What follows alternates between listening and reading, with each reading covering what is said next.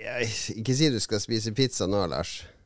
Mm, Hallo, kjære lytter. Mm, Ok, Etter den uh, grusomme generalprøven sist, kjære lytter, der vi lovte å stille bedre forberedt denne gangen, så har Lars nå tatt med seg Er det en Grandiosa jeg ser der? Spiced up Grandis med ekstra ost og uh, salami og tomat. Jeg trodde du hadde fått deg samboer nå. Det er det slutt på å spise sånn. Jeg har en, eh, jeg har en god forklaring. Ok? Vi kan ikke lage avansert mat som krever mye oppvask. Fordi Fordi i går kveld så kom leieboer nede og sa at nå er det masse vann på gulvet i vaskerommet. Kommer ut vann og gusj fra dusjen, og doet vil ikke skylle ned. Så nå måtte jeg jo bare ta på meg min rolige krisehatt og bare gå ned. Se hva som skjer, si det her går helt fint. Og så ligger det masse sånn, det ser ut som spy ut på oppvaskrommet. Og det vil da si at det har kommet opp kloakk fra kloakken. Ting går ikke ut av huset, det er en propp mellom huset og der ute et sted. Så de tingene som folk hiver inn, kommer ikke så veldig godt ut. Og tingene fra naboene ser det ut som, kommer også inn her. For det der som kom opp, som er en slags middag, eller jeg vet ikke hva det var for noe. Så ut som det var en sånn chili con carne, eller Jesus Christ. Så du kan ikke bruke vann, er det du sier? Må bruke minst mulig vann. Vi har innført uh, asiatisk regime, jeg vet ikke om det går an å si det, hvor uh, du har ikke lov å putte papir i doskåla. Papiret må i egen pose. Her må man Alle, alle er nå henvist til å bæsje på spyledoen, hvor du får spyla ræva renest Hva gjør vann- og avløpsetaten i Harstad med det her? Fint og ingenting. Er det ditt ansvar, dette? Er det, har, har noen drevet og helt sånn her eh, masse fett og drit oppi, oppi vasken eller dassen, eller Men sånn worst case, du sa eh, Du snakka noe om naboen. Kan det hende at det er tett hos naboen, og så er det Går liksom røret ditt via naboen? Eller Det er det som er det usikre, for han jeg ringte først, han um, Roger Rør, eller hva han kaller seg. Yeah. Veldig hyggelig fyr. Uh, Shoutouts. Uh, Hell yeah. Roger Rør! han, eh, han har vært og fått adressen min, vært i kommunale papirer, sett. Og kumlokket, eller kummen som er i min hage, er ikke på noen tegninger. Så Ja, er ingen tegninger, tegninger og det er ingen tegninger på hvor rørene i mitt hus går, så det er God knows. Har du, har du betalt vann- og avløpavgift i alle disse årene? Jeg har det. Jeg har det. Okay. Til ingen nytte. Til ingen nytte. Når du ringte han Roger, han rørlegger, Roger Rørlegger, svarte han da It's a me, Roger! Nei, han gjorde ikke det. Men han er en veldig kul fyr. Han var veldig sånn Han kom med masse illustrative bilder. Ja, nå må du bare drikke te og kaste posen ut vinduet. Jeg vet ikke, Han sa så mye, mye morsomt. Han var en sånn, han er en character. Men husk, han, han har jo et, et arsenal etter år med tette dritere, hvor han har liksom lada opp masse bra Vet du hva jeg tror det har skjedd her, Lars? Forrige episode så hang det jo ut noen håndverkere. Ja. De drev og hang ut noen håndverkere som hadde en beef. Og alle håndverkere i Harstad kjenner hverandre. De håndverkene der han er selvfølgelig fetter med rørlegger Joe, og som er igjen er fetter med vann og avløp Vidar, osv. Nå har de vært og, og fått han vann og avløp Vidar til å gå ned i kloakken og backfire ditt system som hevn for at du trash-talka eh, to hederlige eh, persiennefolk siste episode. Jeg navnga ingen. Jeg sa jo bare at de baksnakka hverandre de luxe. Så det var det vi får lov til. Dette er payback for å, eh, for å harselere med arbeiderklassen. Med proletarene i Harstad. Jeg er jo jeg er folket. Men eh, Folk er bedriftseier og aksjonær! jeg kan vel, alle er jo aksjonærer, du. Alle er aksjonærer. Men eh, ja, Men jeg, det jeg er jo noe drit. på for å si det sånn. jeg, jeg tror de har naila I Kasakhstan så tror jeg de sender det minste barnet ned i eh, røret for å liksom løse opp. Så det, har ikke du et, et lite barn som passer inn i diameteren her? Det er mye å unpacke her. fordi sant, En lang stund så har det vært litt sånn, eller noen uker så har det vært litt sånn rare lyder i rørene. og Plutselig så har det ikke vannet gått så fort ned som det skal på badet der oppe og på kjøkkenet. Så jeg var jo kjøpte på lørdag eh, noe sånn her Nei, i går, før det gikk krise, så kjøpte jeg sånn Mudin, Mugin, et Ja, eller annet sånn Mudin. Mudin prisbelønt TV 2-avløpsrens. Men jeg fikk komme aldri så langt, for det- jeg satt og spiste middag, og så kom No! eh, leieboeren og sa Tenk, tenk, hvis, tenk hvis det akkurat hadde vært tidsnok. Hadde du brukt den flaska der i helga? ja, Men han sa du kunne helt uh, sånn her Mudin i tre uker, og det hadde ikke hjulpet, sa han her fyren. For her er, det Ja, noe, her er noe galt. Men det som er litt problemet, er jo igjen så har jeg konsultert to personer som ikke sier helt det samme, da. Eh, så eh, han eh, Roger Rør, han tror det her skal, skal ordne seg fint, men han hadde først. Han sa ja, det han var han som henviste meg videre, for han mente det her var liksom et stort problem, og at mitt rørsystem er kanskje gjennombora av greiner og sånn. For nedfor huset mitt så er det en sånn jungel av ugress og ditt og datt som gror aldri, du gidder jo ikke å klippe plenen. Nå får du payback fra plenen Og det er et område mellom meg og naboen og mine to naboer nedenfor, så er det sånn vilt villnis akkurat der hvor uh, kumlokket er, og hvor rørene sikkert går ned med masse drit. Og der tror han det er hull, og der vokser det, og der er det liksom vilt kaos. Men han andre må- Roger Rør han er mer positiv, virker det som. Jeg må bare si at jeg er veldig takknemlig for at jeg kan oppleve sånne hverdagsproblem gjennom deg, Lars. At jeg slipper å oppleve det selv sjøl. sånn hus grisen. sånn. Og for, og for en nedtur rett etter du er ferdig å pusse opp, og så Ja. bare fylle huset med kloakk. Ja, det der høres ikke bra ut. Det er ikke tilfeldig at du, dama akkurat har flytta inn, du har sikkert stått og, og gredd håret ned i do eller noe sånt, vet du, så jeg har fylt opp med damehår, så jeg syns du skulle la kjefte skikkelig på henne i kveld. Ja, det skal jeg gjøre. Men eh, det kan bli kjempedyrt, for det kan hende det er sånn privat avløpsopplegg her. Oi, oi, Som oi. er lagt oi, med naboer og det er sånt, og så er ikke, det er ikke lov heller, vet du. Ja, det var jo Ja, sikkert det, ikke det er lov, noen jeg sånne gamle tomter hvor f.eks. ditt eh, avløp går under, delvis under tomta til han andre, og sånn. Og da blir det et helvete. Ja, fordi Ja. vi har eh, oppe på hytta, som vi skal på ganske snart, faktisk, gutta. Det er jo bare litt over en måned til hytteturen. Så, eh, der er det jo privat. eh, Altså, vi har egen septiktank og, og vannbrønn. Men der driver du og legger vann nå, og da er det påbudt for alle å koble seg på det offentlige. Så folk sier nei, nei, jeg vil ha, jeg syns dette vannet er kjempegodt. Nei, får ikke lov. Så det jeg tenker, de som har bodd her før, de er bare ja ja, vi har kobla oss på. Ja ja, ja ja, ja ja, ja, ja, ja, ja, ja, ja, ja, ja. Og så har du bare hatt den der piratkloakken sin. Som de, de, har, de har fått en eller annen Roger Rør som har vært der nede og, og kobla noen sånn piratrør over på vann og avløp. Du er sikker på at du har fått regningen fra vann og avløp? Jo, jeg har vel det. Nei, så det kan bli kjempedyrt, fordi kanskje man må grave opp min og andre sin tomte og legge nye rør. Og... Få får se på det som et eventyr. Lars. Dette er voksenlivet. Dette er voksenlivet de luxe. Og jeg har nettopp lånt masse penger for for å til- pusse opp og greier. Så det Jeg får selge noen aksjer, da, din forbannede mediemilliardær.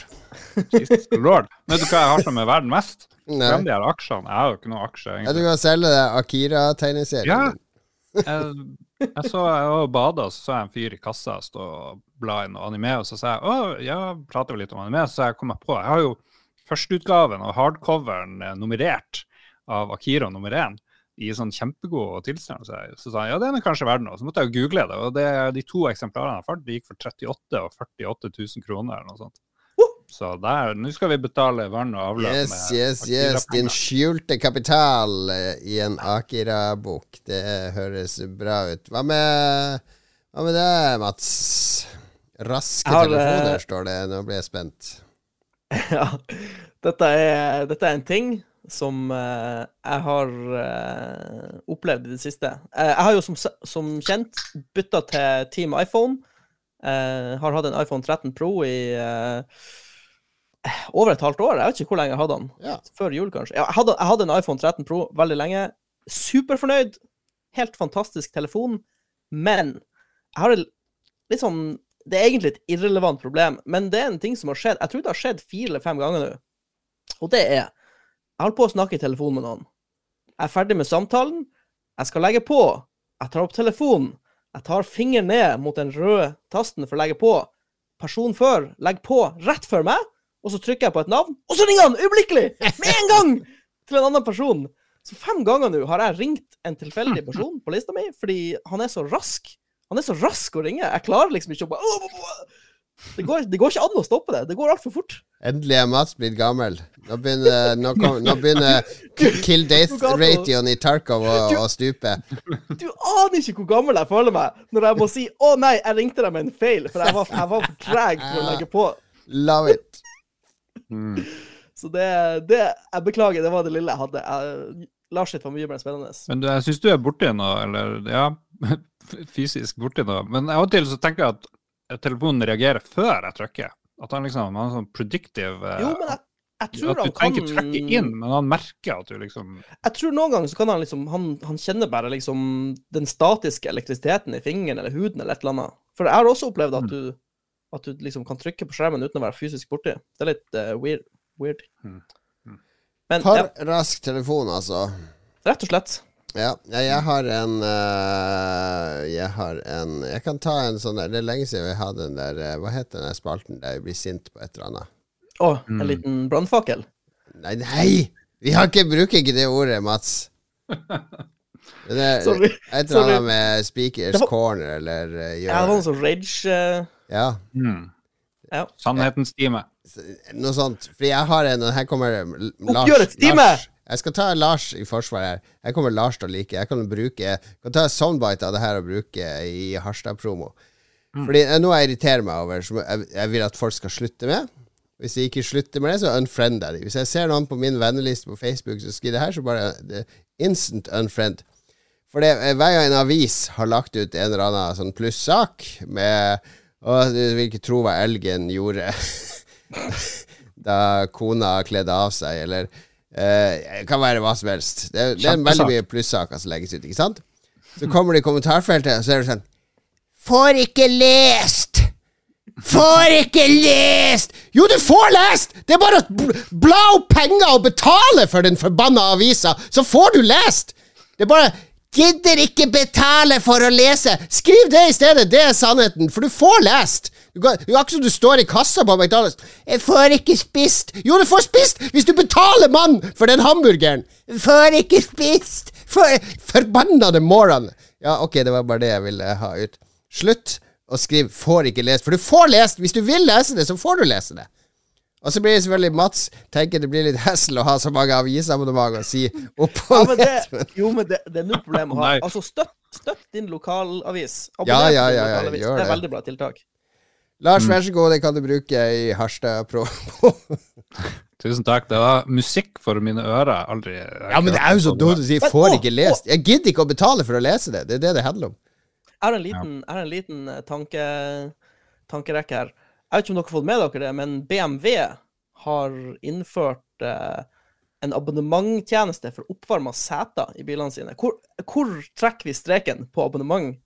Hva, hvor er det liksom ugreit? For jeg tenker det er litt drøyt, i Ja, mine øyne. Elon Musk han har tilbud med Jeg kan få raskere aks på Teslaen min for uh, 17 000. Det er bare en softwareoppdatering. Får ikke varme opp setet! Jo da, det du får varme opp setet! Nei, men dette er jo godt apropos, fordi jeg så eh, BMW skulle gjøre det, og det, det føles veldig rart på en fysisk ting der funksjonalitet er innebygd, Ja, men, men er du må der. Betale en månedspris for å bruke funksjonaliteten. Ja. Jeg vet ikke helt hvor vi skal sette liksom grensen på Det er litt rart. Men det som egentlig har skjedd siden sist, det var bare sidespor, eh, min, eh, min rant. Det er at eh, jeg har arrangert gigantisk hagefest i helga. For det første er det utrolig deilig at hverdagen er tilbake. Jeg elsker hverdagen. Jeg vil jo at hver dag skal være den samme. Vil dra på jobb, dra hjem, slappe av, spille inn podkast og kose meg. Eh, endelig ferie over. Ferie er oppskrift. Hverdag oppskrytt. Hverdag er bra. Men i helga så var det ikke en vanlig helg, fordi vi arrangerte sånn megastor hagefest uh, for kona mi og søstera hennes og storebroren hennes. De lagde sånn der uh, Inviterte alle sine venner til hagen til storebroren til Synne. Og det var sånn 80 mennesker, flere som dere kjenner òg. Uh, kjendiser. Og Marit Larsen var innom, f.eks., på dansegulvet mitt, for jeg var jo selvfølgelig DJ i garasjen. Men de hadde brukt to dager på å handle inn og rigge og fikse og sånn. Og så var det liksom fest i, i 14 timer. Fra klokka to på formiddagen til fire Oi. på natta. Oh. så brukte jeg halve søndagen på å rydde. Så det ble en ganske slitsom helg, men eh, veldig gøy å arrangere så stor fest, da. Og så var det jo en krise med en sånn hatt som var borte, fikk jeg med meg. Ja, vår venn eh, kokken på hytta Han hadde klart å ha lagt seg og sove opp i en sånn hengekøye med hatten mellom beina. da Og så var det noen som hadde vært snill og lagt et pledd over han mens han sov, så han ikke skulle bli spist opp av mygg og sånn. Og så når han våkna, så Han lå og holdt en øl da men en av så når han våkna, det var noen som lå i hengekøya ved siden av, som fortalte meg De bare så en sånn velkledd mann som bare spratt opp en hengekøye og, så- børsta litt av seg, og så gikk videre med den ølen. Men da hadde han ikke sett under det pleddet, fordi den hatten lå under der. Så han var sikker på at den var blitt stjålet, så etter hvert så ragequitta han festen. Hva slags venner og folk er det som er på denne festen? Ja, hattetyver. Men hatten er kommet til rette. Men uh, ja, jeg kan anbefale å gå på hagefest. Det hadde vært eh, kos hvis dere òg var der, men det er jo litt lengt å reise. så, eh, det så veldig deilig ut på bildene. Det er litt sånn artig med når det er sånn myldre med folk. Ja, og så kan er liksom- det liksom sånne bra folk fra flere konstellasjoner. Så uansett hvor du går, så, så møter du artige folk. Og det var liksom variasjon i alder òg. Det var jo alt fra 20 år til, til eh, 70 år. Min svigermor og svigerfar var jo òg der. Jeg hørte rykter om at Justin Bieber kom dit. Ja, men det, det, fikk, det NDA. Kan ikke snakke om det.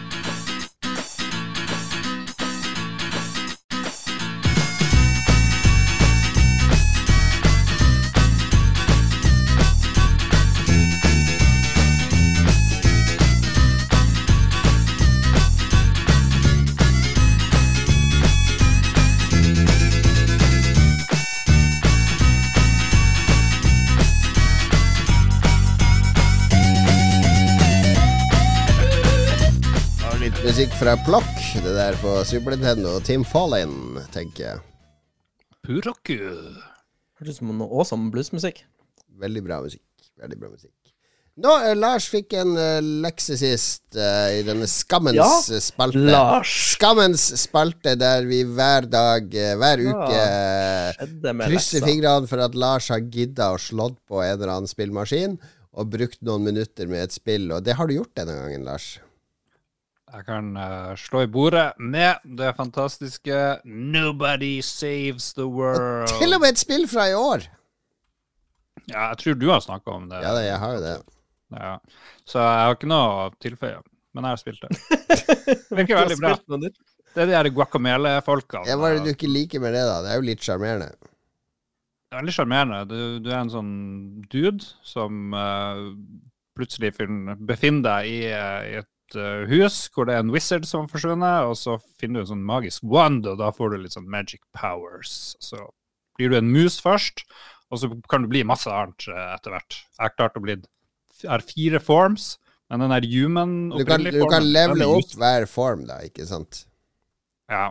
Ja. Så jeg har gått mest rundt som den musa bare liksom blitt kjent med spillet, og det virker veldig OK. Har Det er et spilt hyggelig kanskje- spill, syns jeg. Et hyggelig spill.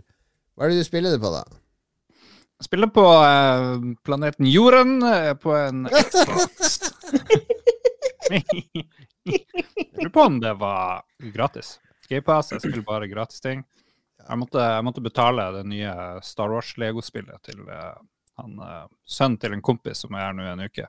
Så det er det har kjøpt. Men jeg har bare sett han spille litt.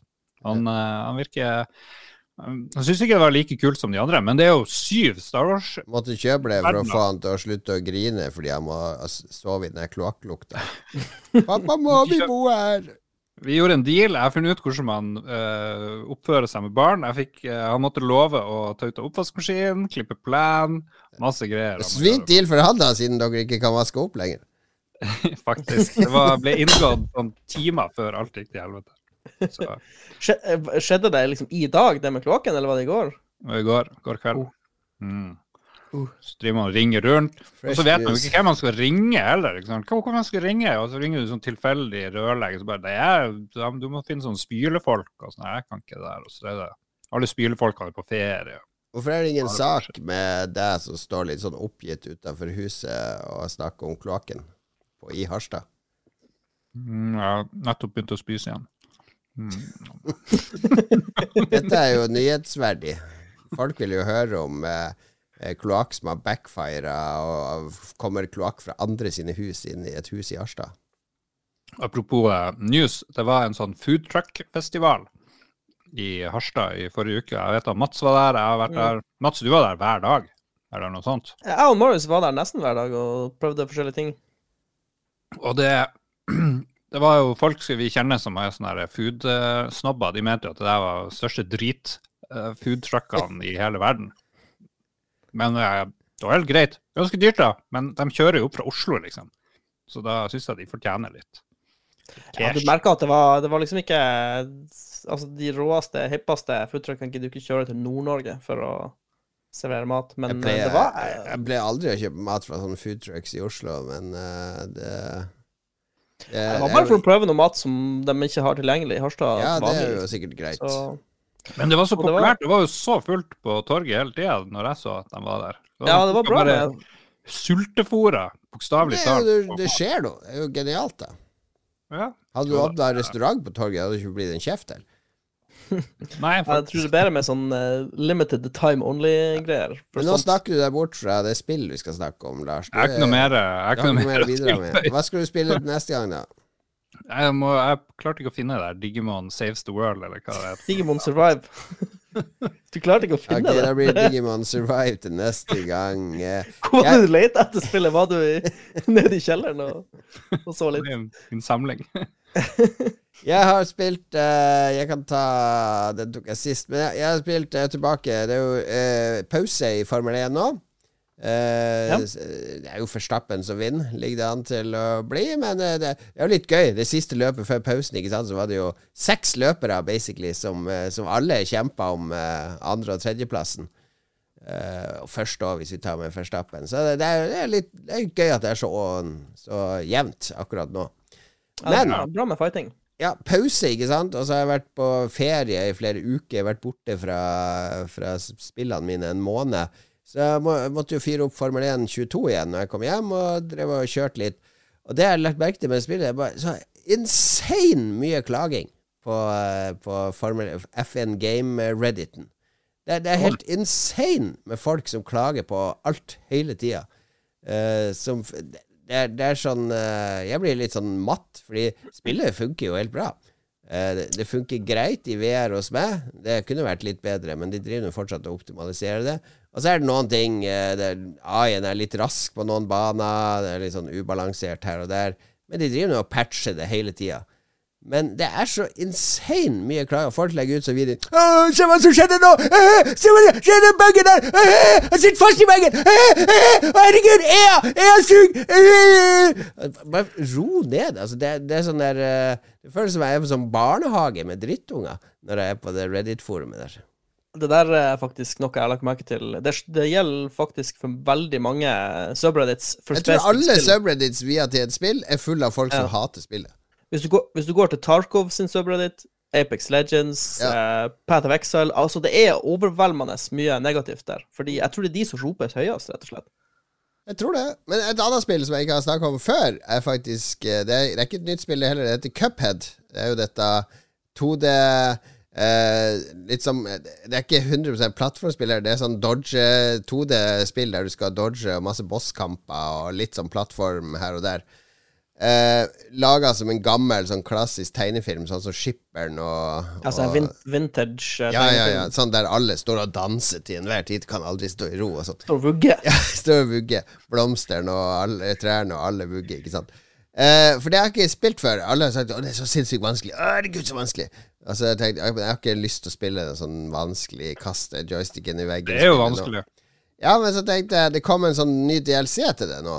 Eh, og så tenkte jeg ok, da kjøper jeg sånn bundle med de to, og så tester jeg. Og ja, det er jo vanskelig, men det er jo så fokusert vanskelig, så det er jo bare Her, ta den bosskampen her. Det er ikke sånn spill ti minutter, kom til bossen og dø.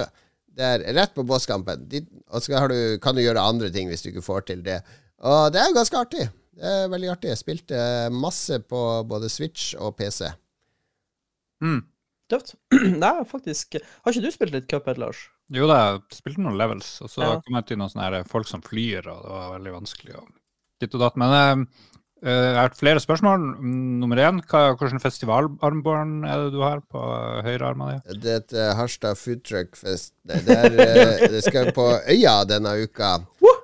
Yes, yes, Øya starter i morgen, eller i dag, Å, som du hører på lytter. Og i dag, akkurat i dag når du hører på dette, så er jeg helt sikkert på Øya og drikker litt øl. Det er meldt eh, 28 grader i Oslo nå torsdag, fredag og lørdag. Strålende sol.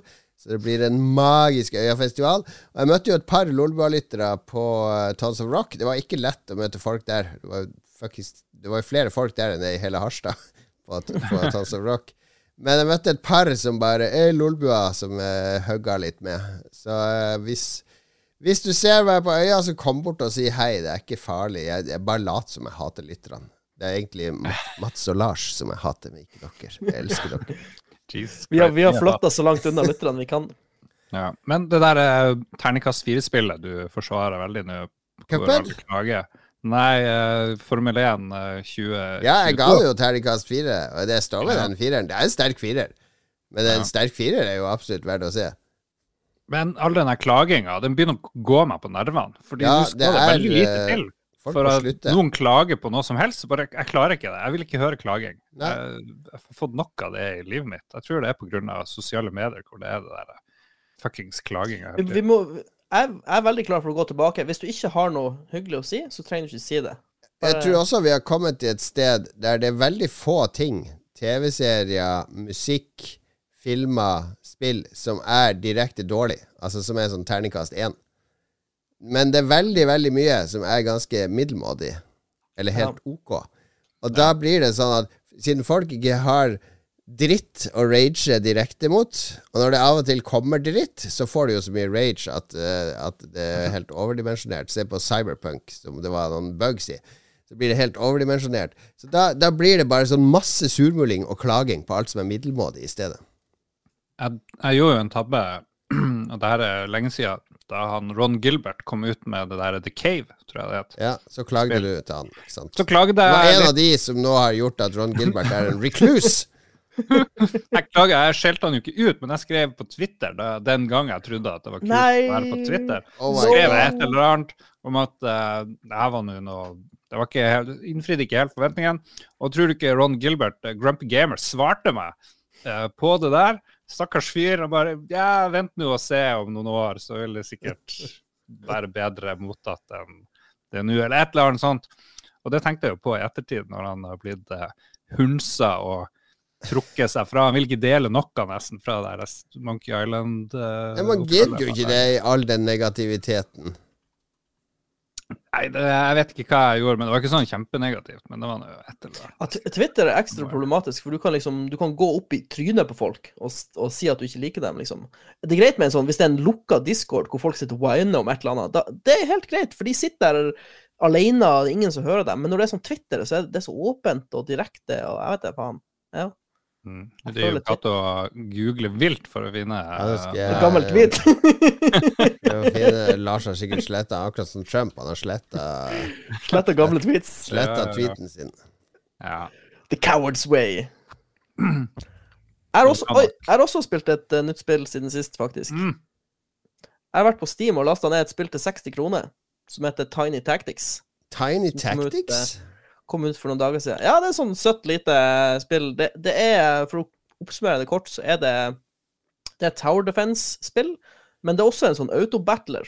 Så du skal liksom sette opp en sånn Du skal lage en sånn gauntlet med units. Ja. Og så trykker du på start, og så kommer waven. Og når waven er i gang, så må du bare sitte og se på. Da har du liksom gjort dine forberedelser. Hmm. Og så må du prøve å finne synergier og kombinasjoner som fungerer. Så det, det er ingenting nytt i dette spillet. Det er bare Smooth. sni, snill Smooth. pris, det fungerer, Yeah. det er koselig. Det er liksom, det, det er et trivelig lite spill. Så eh, det kommer ikke til å lage noen flombølger av oppmerksomhet, men ja, jeg har sittet tre-fire timer og spilt det nå i formiddag, og jeg har storkost meg. Vet du hva? Så ja. Alt, alt trenger ikke å lage flombølger av oppmerksomhet. Da hadde vi jo drukna konstant. Det var et tsunami, ja. Nei, men det er bra. Vi har spilt spill. Jeg er stolt av dere, karer. Dette ble en bra bra spillspalte. Sterk Flink, forbedring fra forrige gang.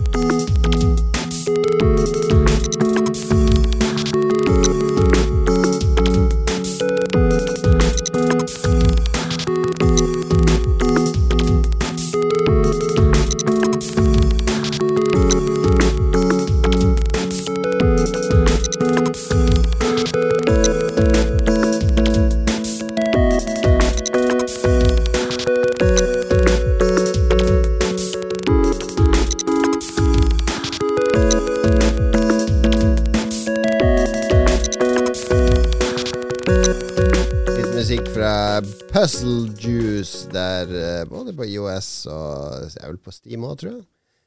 Herlig lite puzzle-spill. Nå! Spalten som eh, mange spådde, den kommer aldri til å vare mer enn en episode. Nei da, den var to episoder nå! Back, Vi skal nemlig kåre de 43 beste spillene fra de siste 43 årene. Og dette blir den ultimate lista over alle spill du bør ha spilt de siste 43 årene. Altså grensesprengende, sjangerdefinerende, nytenkende, innovative, mindblowing spill. Beste fra hvert år, ikke sant? Glem Pacman, dette tullespillet ingen hørt om.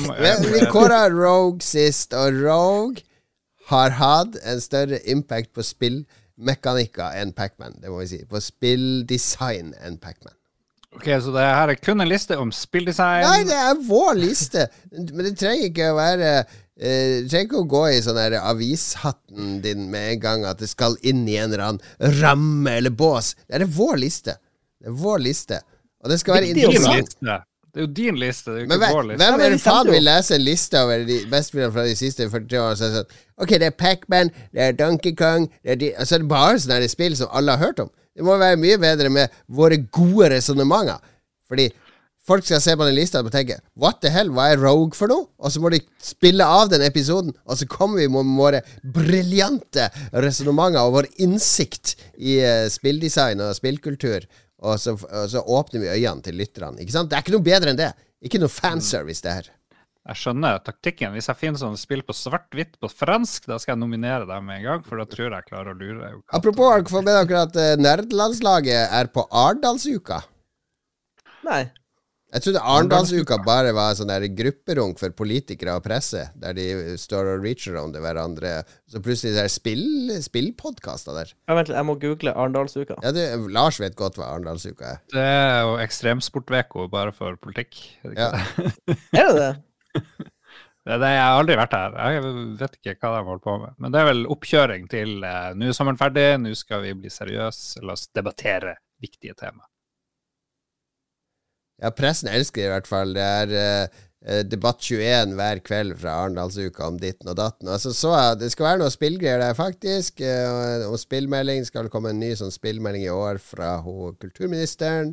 Og det var et panel der med Erik Fossum og noen i som skulle snakke om det. Og så skal nerdelandslaget være der og snakke om spillkultur eller noe sånt. Så det var for så vidt greit at de valgte dem foran oss. For de gjør helt sikkert en bedre best. figur på Arendalsuka enn oss. Vi hadde gjort en bedre figur på hvis vi hadde hatt sånn midnattspodkast på Arendalsuka. For det er mye fyll der, har jeg hørt. Hmm. Vi, eh, vi skal jo være på Sexhibition, skal vi ha spill. eh, Ja, ja, ja. ja det kan vi kontakte Sexhibition og høre om vi kan ha livepodkast derifra. Men eh, du skulle heller hatt eh, Spillrevyen enn eh, noen annen podkast på noe sånt. Så her føler jeg noen har sovet i timen, ikke minst vi. Ingen av oss som har tida til å dra på noe sånt, så ta nå for guds skyld i nerdelandslaget. Men uh, Lolbua Regjeringa ordner mitt avløpsproblem, så kommer jeg ned med en gang. Lolbua på Sexhibition, det må vi få til. Ja. ja Philip har jo allerede bestilt billett, tror jeg. jeg. Ja. ja. jo Han, han Philip eh, blir invitert hvert år. Kanskje alle i Lolbua kan delt konkurrere i Vett T-skjørt-konkurransen, så ser vi hvem som kommer høyest. Jeg var jo der en gang og skrev for uh, Bergens Tidende. Fikk Ja. være med på pornofilminnspilling. Det har jeg nevnt tusen ganger. Det er veldig Anbefaler alle å dra på pornofilminnspilling på Oslo Film. Ok. Yes, nei, Nerdelandslaget tar Arendalsuka. Vi tar sexy bishen. Men nå, tilbake til 1981. Det året Ronald Reagan ble valgt til president i USA og innførte Juhu. Reaganomics. Uh, uh, Herregud. Herregud. Og The War on Drugs. War on drugs og mye annet. Uh, Iran-kontra og eh, Ja, han sto for masse, masse bra. Sto han for mye bra? Nei, jeg gjorde ikke det. Hva skjedde sånn spillmessig i, i 1981? Eh, jo, det skal jeg Ja. fortelle. Game Watch, superpopulært. Arkadespillene fortsatt kjempepopulære. Men nå begynner vi å se at uh, datamaskiner begynner å bli litt sånn der uh, selvstendige. Ikke sant? Rogue, som vi hadde sist, det var litt sånn avvik. Det kom fra ingensteds hen. Universitetsutvikla av noen studenter. Mens nå Ja. begynner det å komme mer kommersielle spill til datamaskiner. Og det er ganske mange datamaskiner. Altså I, i Vesten så er det jo eh, i, i PC, altså IBM, MS-DOS. Eh, men eh, du har også ting som Commodore VIC-20 har vel dukka opp på denne tida. Og i Japan så er det en haug med sånne rare datamaskiner som ingen har hørt om. Eh, for det var Mange tror at Japan var sånn rent konsolland, men det var masse spill på ulike japanske datamaskiner på 80-tallet. Så vi begynner å, å se de første tingene som kommer og dukker opp her. Eh, Apple 2 er jo en datamaskin som kom nå. Eh, så at det er det første vi begynner å ane at uh, Arkadehegemoniet kanskje kan være trua. Ja, nei, men det, det, vi er veldig tidlig. Det, det liksom Det pøser ikke ut mye spill sånn. Nei, ja, det gjør jo denne spalten mye enklere for oss. Det blir mye verre når vi skal kåre i senere år. Men vi gleder oss til det òg. Eh, vi har valgt tre spill hver. Skal vi ta ett spill hver? Eh, Mats, du har, eh, kan ta ditt første spill. Jeg har et uh, spill fra Apple 2. Ja, Castle Wolfenstein, rett og slett. Det er, det er et slags uh, snikespill. Du går sånn rom til rom, og så skal du drepe tyskere. Dette dette var faktisk inspirasjon til Wolfenstein 3D. Ja. Han, eh, de, hadde lyst, de hadde egentlig lyst å lage Castle Wolfenstein 3D, men de fikk ikke rettighetene. Derfor ble det rip- rip-off. Det Jeg, har- jeg, har spilt- jeg har spilt dette spillet vel Jeg tror jeg spilte på Commodore. Det kom jo ut på Commodore litt senere, da, men eh, det teller siden det kom på Apple 2 i 81. Mm. Så eh, jeg har det bare med fordi uten dette spillet hadde vi ikke hatt Wolf 3D, vi hadde ikke hatt Doom, osv., osv. Så, videre. så det, det er viktig. Det er et veldig viktig spill. Ja. Jeg vet ikke om logikken helt står seg der. Jo, at vi ikke, har Ikke Doom, tenk på men det. Ikke tenk på det, Lars. Ikke Ja, det, det er også eh, Metal Gear var jo eksempel inspirert av Ja. uh, Wolfenstein. Uh, så at det er et spill som har hatt innflytelse, Castle Wolfenstein. Det, vi skal ikke stikke det under en stol. Og så er det kanskje det første spillet med nazister? Kanskje. Første digitale nazister? Kanskje, kanskje. Vi, vi gir den til Wolfenstein så langt. Jeg har tatt med må jo ta med selvfølgelig Donkey Kong fra Nintendo. Eh, Shigeru Miyamoto sitt eh, første spill var det vel òg. Og opprinnelig ville han jo lage et, et spill med skipperen. Altså Popeye the Sailor Man Og spis spinat og bli sterk. Fordi eh, hele spillet var lagt opp til han derre Bluto. Eh, han skulle kidnappe hun Olivia, og så skulle du være skipperen som skulle klatre opp og, og redde henne. Så det, han hadde vel egentlig designa det med alle de figurene. Ja, fordi han ligner jo litt på, en måte, ja, ja. på sånn fysisk Ja. på han Donkey Kong. Men de som hadde rettighetene til skipperen, de bare Nei, nei, nei, nei, nei, nei, nei, nei, nei, nei dette Vi skal ikke Vi skal ikke uh, vi, vi skal ikke vanne ut vår fantastiske skipperen-lisens på denne måten. Så da måtte eh, Miyamoto tenke nytt, og så bare lagde han rørleggeren, eh, eller snekkeren, som han opprinnelig var, Mario, og tok en gorilla Tenkte på King Kong, og tok en gorilla Donkey Kong. Donkey på japansk er jo sta, ikke sant? Så det skulle være en sta ape og en prinsesse Peach der oppe. Og da var Mario født. Og tenk hvis de hadde sagt ja! Da hadde hele Mario-franchisen vært skipperen. Tenk hvor stort skipperen hadde vært i dag! Skipperen hadde vært uh, Skipperen Extended Universe. Super Popeye Party og Popeye Smash Bros. Og, eh, nei, det hadde vært, uh, det hadde vært amazing. Nei, det var en god avgjørelse av skipperneierne. De der skipperneierne uh, hadde sikkert vært trasige at de bare Nei, nå skal vi lage spillet sjøl. Ja, ja, ja. Japanerne og ja. Men uh, det ble jo en megasuksess. Det, det er ikke det første plattformspillet. Mange uh, tror det er det. Det er det ikke. Men det, det er på en måte det første med sånn ordentlig narrativ, for det forteller en historie mellom brettene. Det hadde fire forskjellige brett. Og det har en sånn slutt med Donkey Kong som faller ned, og alt sånt. Så det var, ble regna som det første cinematiske spillet. Og det, det er jo et ikonisk spill på mange måter. Jeg tror det da ligger sterkt an i, i dette året. Det ligger kanskje sterkt an, men enda sterkere så ligger selvfølgelig et spill. Og fuck historie, fuck eh, viktighet, men eh, spillbarhet eh, er jo det som preger det fantastiske Galaga. Fantastisk shoot them up. Du styrer et skip nederst, nederst på skjermen, og så kommer wave etter wave med fiender. De beveger seg forskjellig. Kan fange opp eh, fiendene og bruke dem eh, sånn at de skyter for deg, i stedet for at de, eh, de er fiender. Og det her spillet Jeg blir oppfordra til å komme med bedre argument. jeg trenger ikke argument, for jeg har historien på min side. Fordi nå står det her på den Wikipedia-greia vi bruker, at det her er kåra til det 19. av de beste spillene noen gang av Game Informer, og hva er mer prestisjefylt enn Game Informer? Så jeg bare rest my case! Fantastisk spill. Spilte det og de lignende spillene på ferie hele tida. Jeg spilte det her masse på Bergstrøms tivoli når de var i Harstad. Mm. Jeg husker det godt. Og spesielt de her tractor-beamene som kom ned og tok ja. eh, romskipet ditt opp. Og så ja. kunne du også få sånn dobbeltromskip attmed hverandre. Ja. Så det var det første spillet som het Galaga, og det syns jeg fortjener Det kom faktisk en Galaga-versjon til Gameboy. Det kom vel til alt. Jeg ja, tror du kan spille det på Det var vel også det jeg husker da du spilte Lowdine Ridge Racer på PlayStation 1, så kunne du spille Galaga mens den loada. Ja, og hvor mange plattformer er Donkey Kong på? Nesten ingen! Nesten ingen plattformer. Kun sånn Nintendo barnespillplattformen. Her er på alle plattformer i hele verden. Fra Galaga ned til uh, Amfibieriket, Mats. Ja. Jeg har valgt å ta med Frogger fordi uh, Ja vel? Jeg, ha, jeg, hadde en, hadde en sånn der um, Jeg hadde en sånn ganske stor Frogger-maskin da jeg var liten, lite barn. Så hadde du det? Frogger, ja, en sånn, der lit, sånn liten konsoll? Ja, nettopp. Ja, det var, det var liksom ganske sizable. Ja, ja, uh, og den spilte jeg livskiten ut av. Så jeg må, jeg må, ha med Frogger på lista mi fra 81. På, og også et ikonisk spill, og kanskje Det ble jo er jo hylla f.eks. i en Seinfeld-episode, der uh, George Costanza, eller hvem det er, har en sånn rekord i Frogger og skal prøve å flytte arkaden over gata, og det blir liksom Frogger in real life og sånn. Og så er det jo veldig spennende. Altså, det var i hvert fall spennende da jeg var lite, lite guttebarn og, og, skulle få den frosken over gata. Men det, du ble sykt stressa av de her bilene. Ja, ja, ja. ja, ja. Og over krokodillene og ja. Nei, det er stresspill de luxe. Jeg har tatt med jeg, jeg, Det er ikke så lett å skille på. Jeg har tatt med Ok, Ultima og Wizardry var to veldig viktige spill som kom dette året. For begge disse to var eh, rollespill. Eh, som ikke sant, Det kom Disse var starten på rollespillbølgene, både i Østen og Vesten, rett og slett. Eh, for det som skjedde, ikke sant, var at Tolkien kom jo med 'Ringenes herre' på 60-tallet.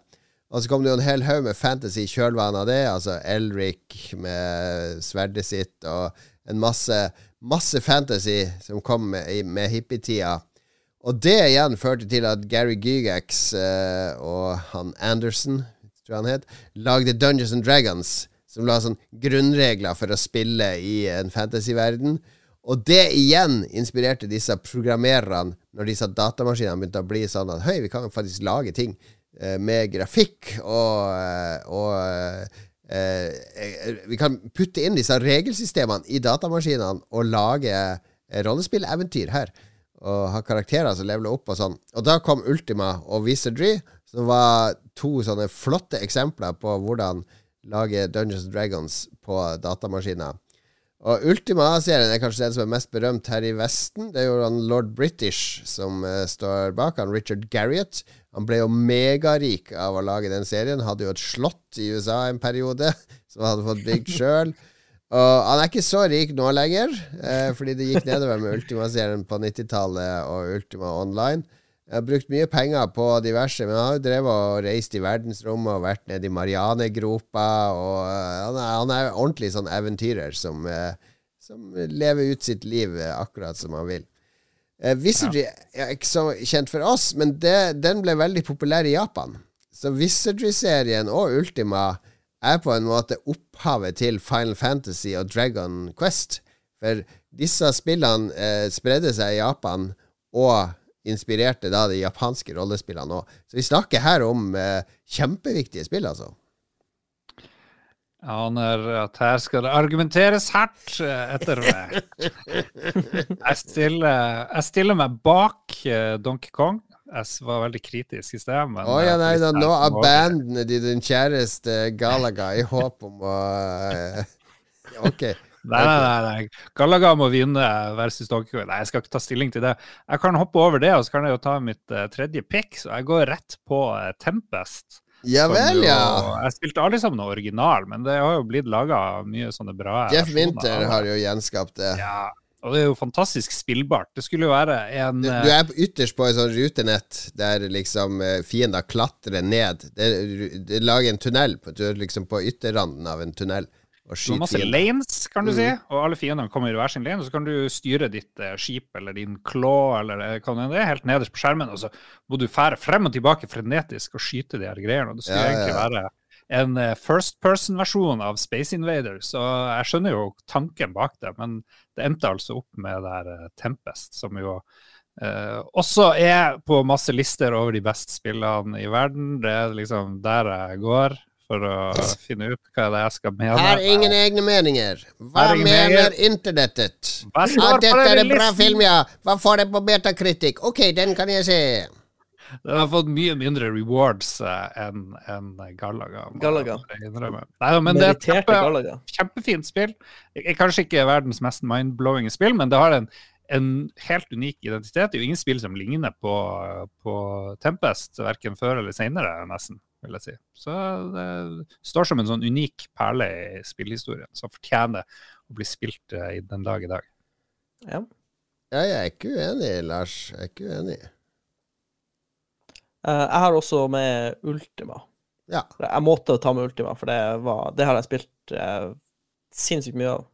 Så, og det er også et veldig viktig spill, vil jeg si. Ja da. Jeg, Men um, jeg- det blir litt, jeg blir litt verre å plukke ut en vinner i 81, ser jeg.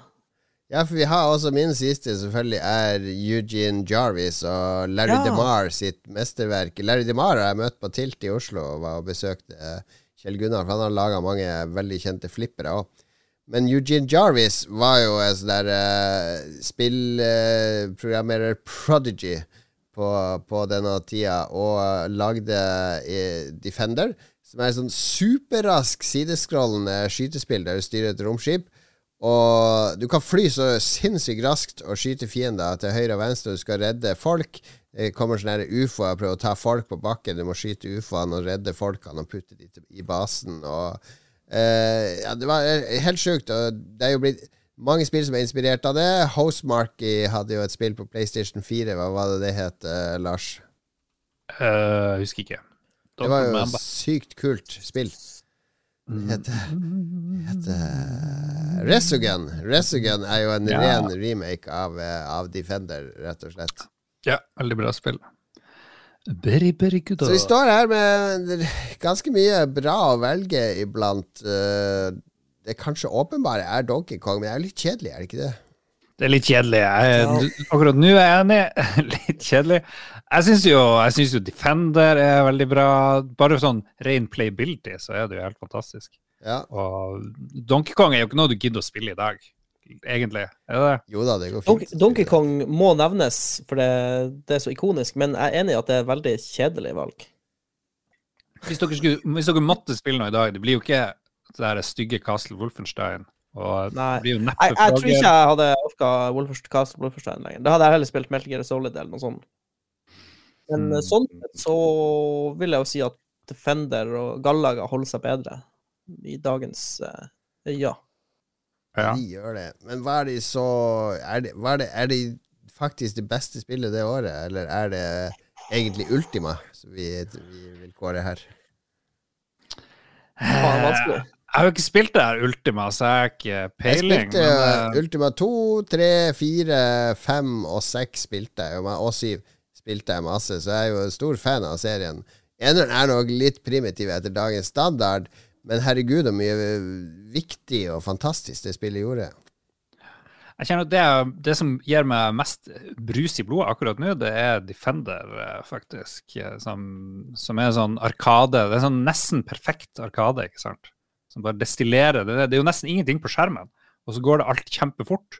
Og så er det ganske den artige mekanikken hvor du må drive og redde de her folkene. Ja. Så ja. Ok, vi har én på Defender, én på Ultima fra meg. Hva sier du da, Mats? Ja.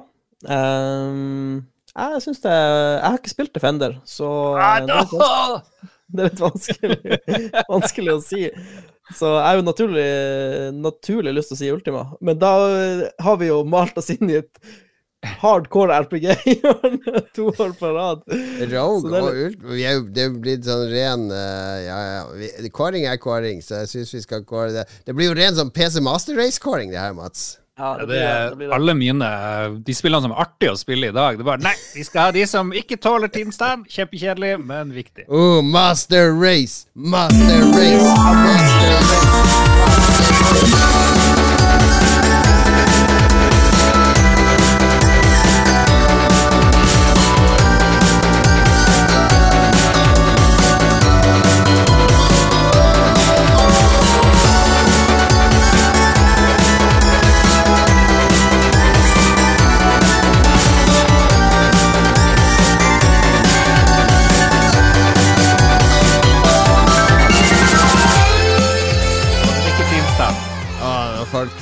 lista, ikke sant, de kommer til å tenke Herregud, for en eklektisk og, eh, og intelligent spillpodkast dette må være.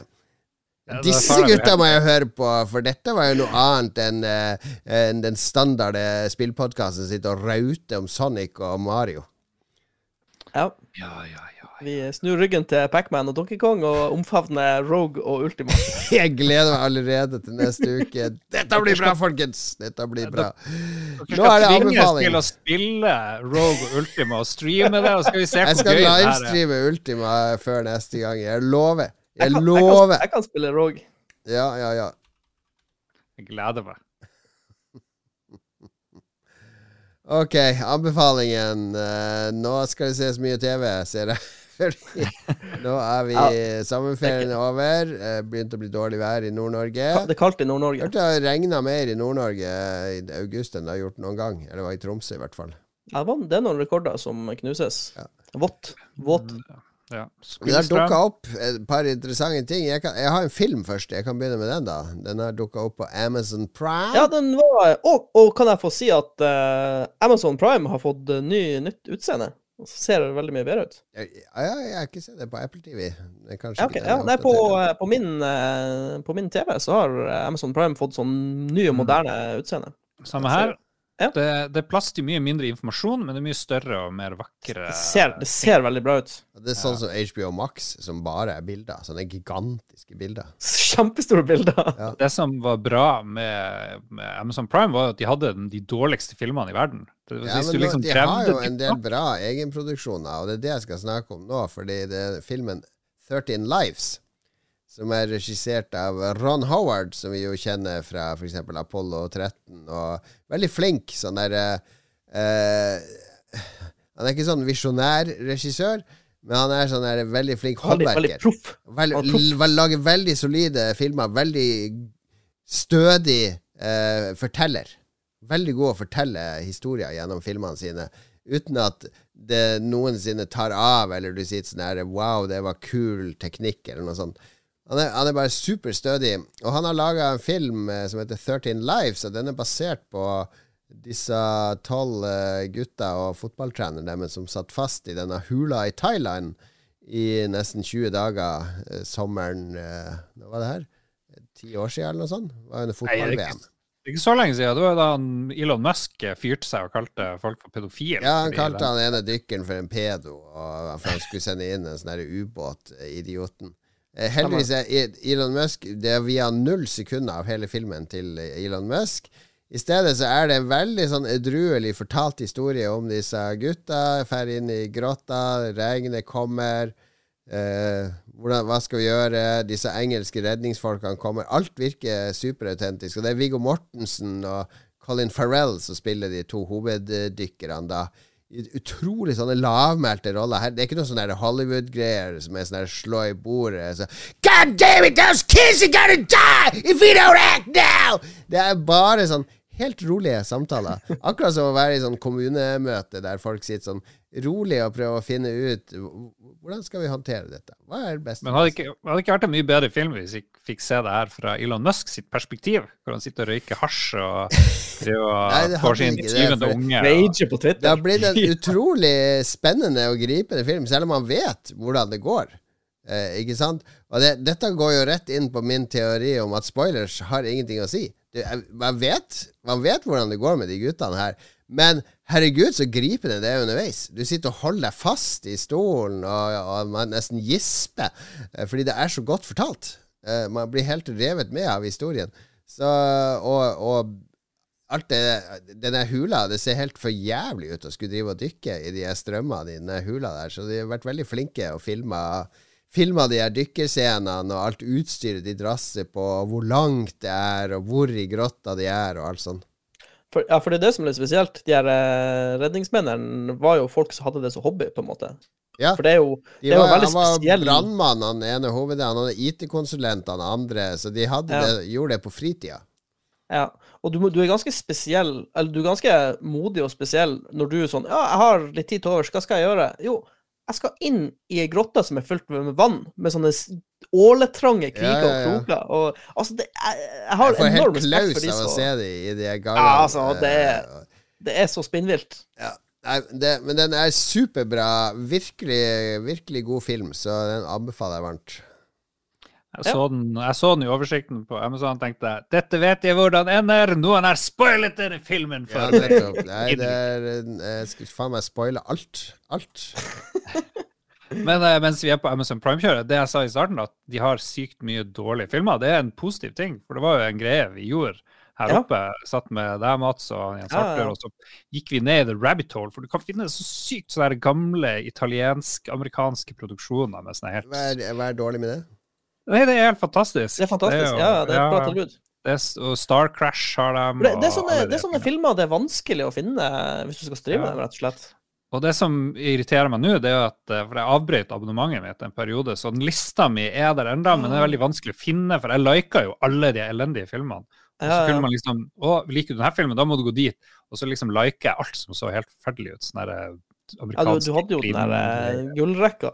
Ja, ja, ja. Oh. Men nå, er tror jeg det er helt borte nå med den nye oppdateringa, så jeg er veldig skuffa over uh, Så de har fjerna litt innhold, rett og slett. Ja, jeg tror kanskje det. Anywho. Yeah, yeah. Yeah, yeah. yeah Jeg vil gjerne anbefale noe jeg har aldri anbefalt før i, i Lolbua, en sportsdokumentar. Jesus lord. Nei, eh, kort, kort fortalt så har det kommet eh, en ny sesong i den der eh, All or Nothing-greia på Amazon Prime, som handler om fjorårets sesong for Arsenal. Og hvis du har sett All or Nothing før, så vet du, vet du hva det er. Så det, du vet at det er det er så konge. Det er som å være med i klubben. Du bare blir med på innsida, og du får se alt. Det er helt konge.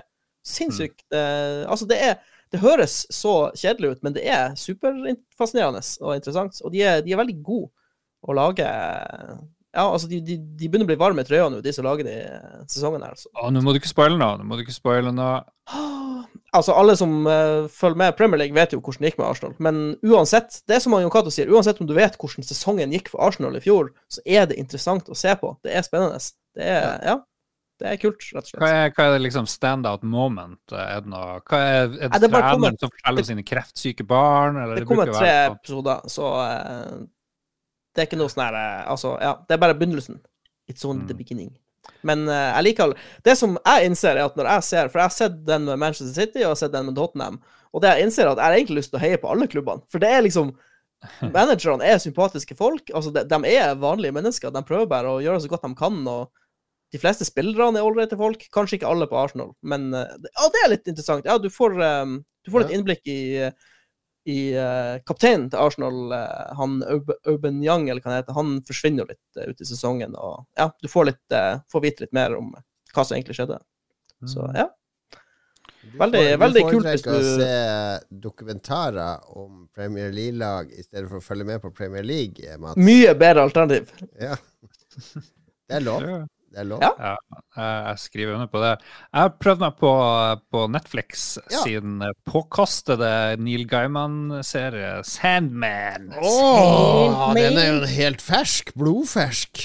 Blodfersk. Har bare sett to episoder. Første episoden så jeg fikk masse skryt. Beste TV-drama i år, osv. Vet ikke om vi skal genierklære det og hause det for mye opp i skyene. Det er jo en er TV-serie. vanskelig tegneserie, føljetong, romanføljetong å filmatisere, da. Ja, fordi i bakhodet mitt så har jeg de fantastiske tegningene. uh, til, til Sandman, og det er jo Jeg husker ikke hvem som var, sto bak de ulike Illustrerte. Ja, men, eh, men det har jo en egen stil, og det er veldig vanskelig å få det til å bli noe likt. Men jeg syns eh, de lykkes. Synes de lykkes eh, bra. De er, det er veldig episodisk. Selv i episodene så, så virker det som det er ulike kapittel av, av en tegneserie du ser. Den bruker god tid, i hvert fall første episoden. Der, der, er det amazing. Det begynner vel Det er vel ikke å spoile noe, men Sandman blir jo fanga av en sånn hobbymagiker og blir imprisoned. Og, og, så i stedet for å, å, å rause frem og presentere hovedpersonen, så, så er det veldig begrensa tempo på det hele. og Det er veldig behagelig å se, og du får Men, veldig godt innblikk i de ulike personene. Vi som ikke har lest Sandman og er litt sånn syke i hodet, mm. henger det her sammen med American Gods og noen av de andre tingene han har lagd, eller er det helt sånn enkeltstående univers, på en måte? Uh, American Gods føler jeg vel ikke har så mye med Sandman å gjøre, har det det? Jeg vet ikke, Det er jo kanskje ja, i hans univers. Det er jo mye guder, da. Ja, dette er ja. alle verdens mytologier blanda sammen omtrent, så det er uh, alt av sånne eventyr og fabler omtrent finnes, men jorda er på en måte den vår jord. Det, jo da, så ja. det kan godt hende at uh, American Gods har noe med, med Sandman å gjøre. Men, og hovedpersonen, det er jo veldig viktig.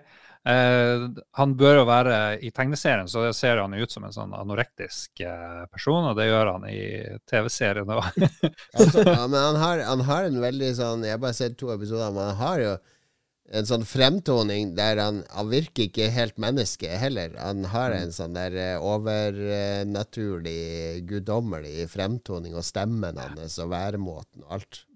Ja. Og så er jo Neil Gaiman veldig flink å få frem sånne karakterer eller figurer som du liker. Og det, det får han til her òg. Du har den der um, Abel og Kain, de her eh, to ja, brødrene, ja. som driver og dreper hverandre hele tida. Eller den ene broren driver og dreper den andre hele tida. Så har de en sånn pet som de, er veldig glad i. og sånt. Så det, det er liksom det er en handling på veldig stort plan. Du har en verden med guder, og så skjer det ting. Og så har du liksom bitte små skjebner som krydres inn i det her, og det likte jeg veldig godt. Ja, nei, det, De har klart å filmatisere det ufilmatiserbare, som mange mente Sandman skulle være. Så det er ikke nøyaktig det samme som tegneserie, men det er, eh, det er, en ny måte å oppleve de historiene på som, som, mm. som ikke er noe å skamme seg over. Det eneste jeg har reagert på, jeg tror det var noe feil med TV-en og sånn, det at eh, i mange scener så har de Det er sånn eh, Sk de skvisa bildet sammen. Ja, ja. Så alle folk er sånn strekt. Det ser ut som det Hei, vent, det, det, jeg har ikke stilt 16.9 på TV-en min. eh, og det, det, er fullt av folk på Twitter og sånn som har klaga. Fiks det aspect ratio, og det bildet er strekt ut og sånn. Men det har de gjort med vilje for at det skal se sånn drømmeaktig ut, eller overnaturlig i enkelte scener. Men mm. det reagerte jeg på når jeg så det. Jeg synes det, ser, det ser jævla rart ut, syns jeg. Men, jeg så det bare i noen scener. Hvis du panorerer nedenfra opp, så ser du at bildet driver og bøyer seg på siden, på et vis. Ja, det, sånn det, det, det, duger. Når jeg vet at det ikke er noe galt med TV-en, så er det greit. Ja. Det er for tidlig å kaste noen dom, men jeg har gjort ferdig den der The Terminal List som Katarina anbefalte for noen episoder siden, med han uh, Chris, Pratt. Chris Pratt. Ja, han er en sånn her ex-Navy. Sykt voldelig. Veldig, veldig voldelig. Men det er mye bra. Jeg liker det. Veldig usannsynlig at han Chris Pratt skal overleve alt han overlever. Men uh, og så tenkte jeg hele veien jeg kommer aldri til å bli en sesong to. Jo da, det er på tur. Uh, Klarte du å se for deg Chris Pratt som Mario, som er det neste han skal spille? Nei. Apropos Mario.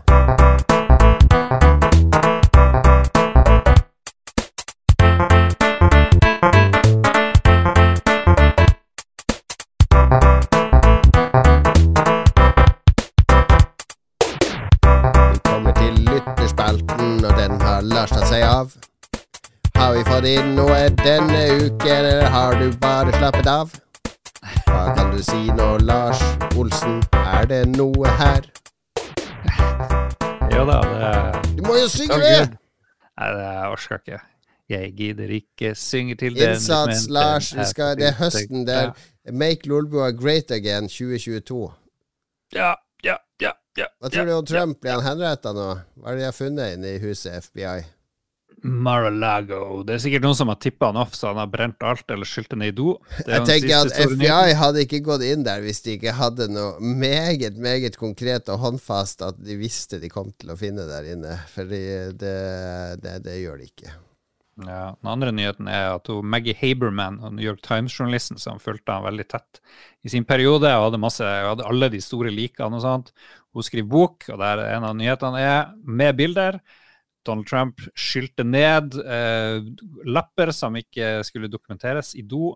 Og da har han kanskje brutt enda en lov med at sånne ting skal tas vare på. Men herregud, kom igjen. Folk Men e-mailene til hun der eh, Clinton, har de funnet de? Men vet du ikke hva? Trump har vært der og fylt doet mitt med notes som eh, var det, for sensitive. Han har flusha, flusha de ned hos det. Ja. Vi har fått noen eh, bidrag. Vi skal snakke om uh, blant annet spør, sier Kristian Kjessem, vi skal sjekke om noen har sagt opp noen abonnement siden sist. Har Mats Rindal eller Jon fått noen nye abonnement? Vi vil ha 15 minutter fra nå, takk. Eh, har jeg signa noen nye abonnement? Nei, det har jeg ikke. Jeg var og snusa på Paramount Plus, men jeg avventer avventende fordi jeg holder på å se Terminalist, jeg også. Ja, Og så skal jeg se Sandman, og så skal jeg se ferdig uh, Better Call Saul. Yeah. Så jeg har, ja, jeg har ikke noe hastverk på Plus så får du også den beste nye Star Trek-serien, Strange New Worlds. Oh, ja. Ja, den vil jeg se. Men hva med Det gjør jo ikke folk i Norge. De bare 'Dette er mitt abonnement, jeg skal ikke dele det med noen'. Kanskje min søster eller mine barn. ja, vi er dårlige å dele. Det burde vi bli flinkere på. For det er jo lovt å dele innad i husstand og, og Ja. sånn. Ikke kloakkhuset til Lars. Ikke i kloakkhuset mitt, og ikke i Harstad-abonnement. Der skal alle ha sitt unike Ja, abonnement. Ja, Takk. Ja, så ikke gjør det. Skal vi se Kim, Kim Thoresen. Ja, ja. Kim Thoresen Han bare sier oralsex, janteloven, hvordan bli rik, mer om hva Christian tjener. ja, vi fikk Ja, Kristian til å si for ja. du spurte hva vi skulle prate om. Skal vi prate om oralsex, liksom? Åh. Ja, oralsex. Ja eller nei? Er dette galt? Kan man få herpes? Janteloven. Hvordan bli rik? Har vi noe? Hvordan bli rik er jo morsomt. Um, jeg er jo elendig. Jeg kommer aldri til å bli rik, fordi jeg tar ikke vare på noe som helst. Du Uh, er jo rik. Du er jo er rikere enn 95% av jordas befolkning. 98% av jordas befolkning er du rikere enn. ja, jo, jo, jeg vet ikke.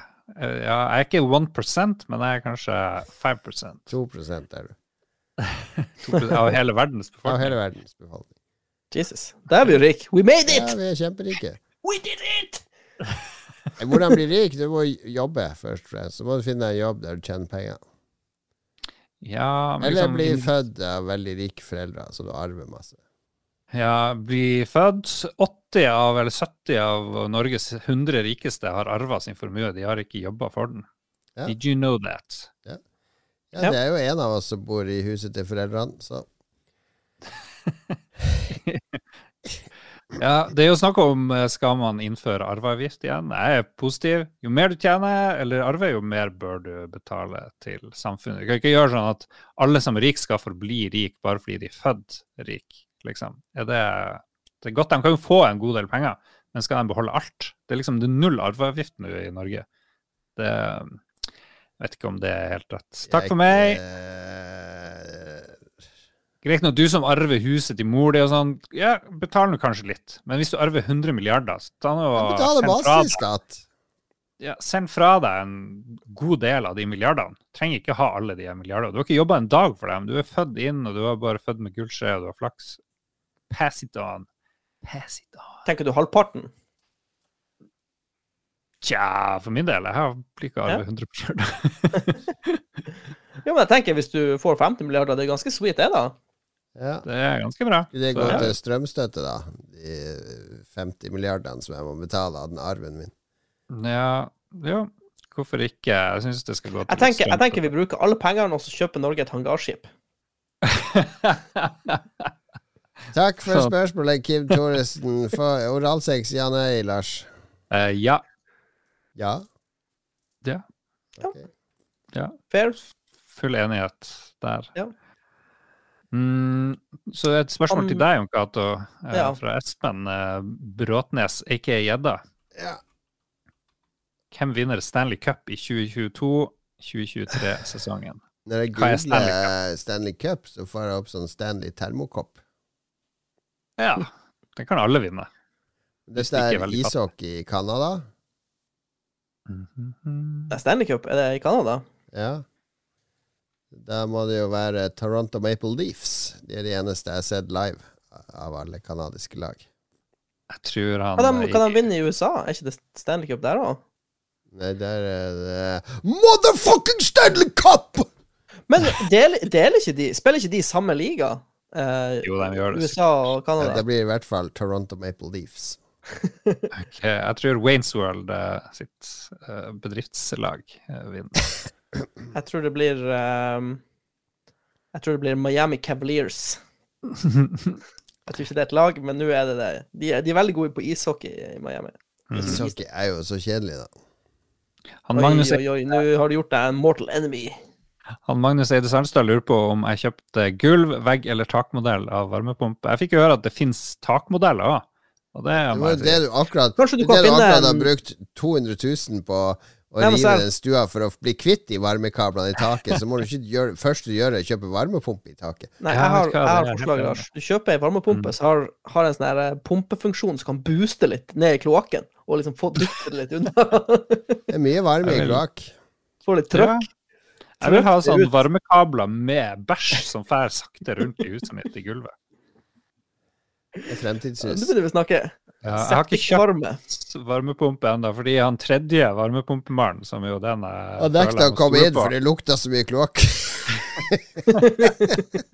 Han er hjemme fra ferie i morgen, så dere får, uh, får update neste episode. Så det blir spennende. Ja. Mm, Ja. Bjørn Bjelland, alle familier må ha en 3D-printer, sier han, og viser frem Sweet eh, 3D-print Yoda-byste. Ja. Jeg tenker at 3D-printing er bare å innføre sånn masse drit i huset ditt. Du lager masse ting du egentlig ikke trenger, og så lager du bare masse plast. Du tar sikkert vare på 5% av det du 3D-printer, og resten blir bare sånn overskuddsgreier. Så jeg er veldig imot 3D-printing. Jeg har faktisk eh, Jeg har faktisk jeg, jeg håper ikke det skjedde noe nå med lyden, eller noe sånt, men jeg har faktisk 3D-printa Ser Oi. dere?